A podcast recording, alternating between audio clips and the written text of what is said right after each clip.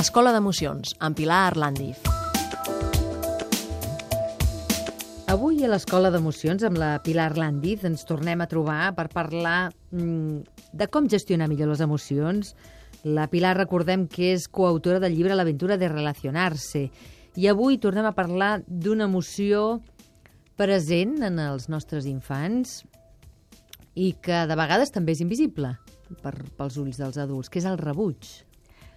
Hola, què tal? Doncs amb els nostres infants i amb nosaltres, perquè com ja he dit altres vegades, però a mi em sembla que no està de més repetir-ho, eh, com els adults, com els pares i mares entomem les nostres emocions són, el, són un model perquè els nostres fills i filles també puguin agafar idees i, i, i actuacions, no?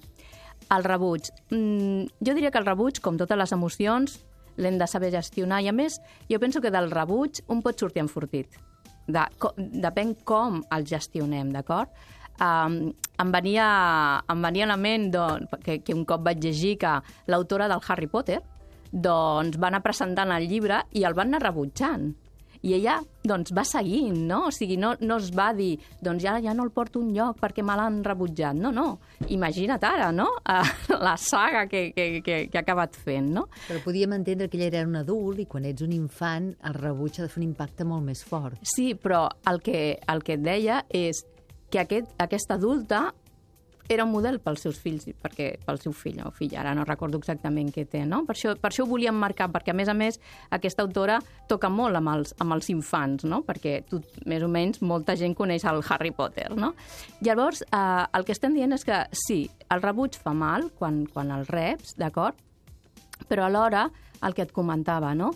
En un moment donat, quan, sobretot amb el tema escolar, que els nostres fills i filles poden, poden sentir aquest rebuig per part de companys o d'alguna situació, si realment eh, surten, eh, poden gestionar-lo per sentir-se eh, segurs i enfortits, això recaurà amb la seva autoestima i amb la seva capacitat social. O sigui, que pel fet de dir eh, m'han rebutjat, sí, però això no vol dir que no puguis tornar a intentar-ho, perquè aquí ja també es barreja la por a que et rebutgin.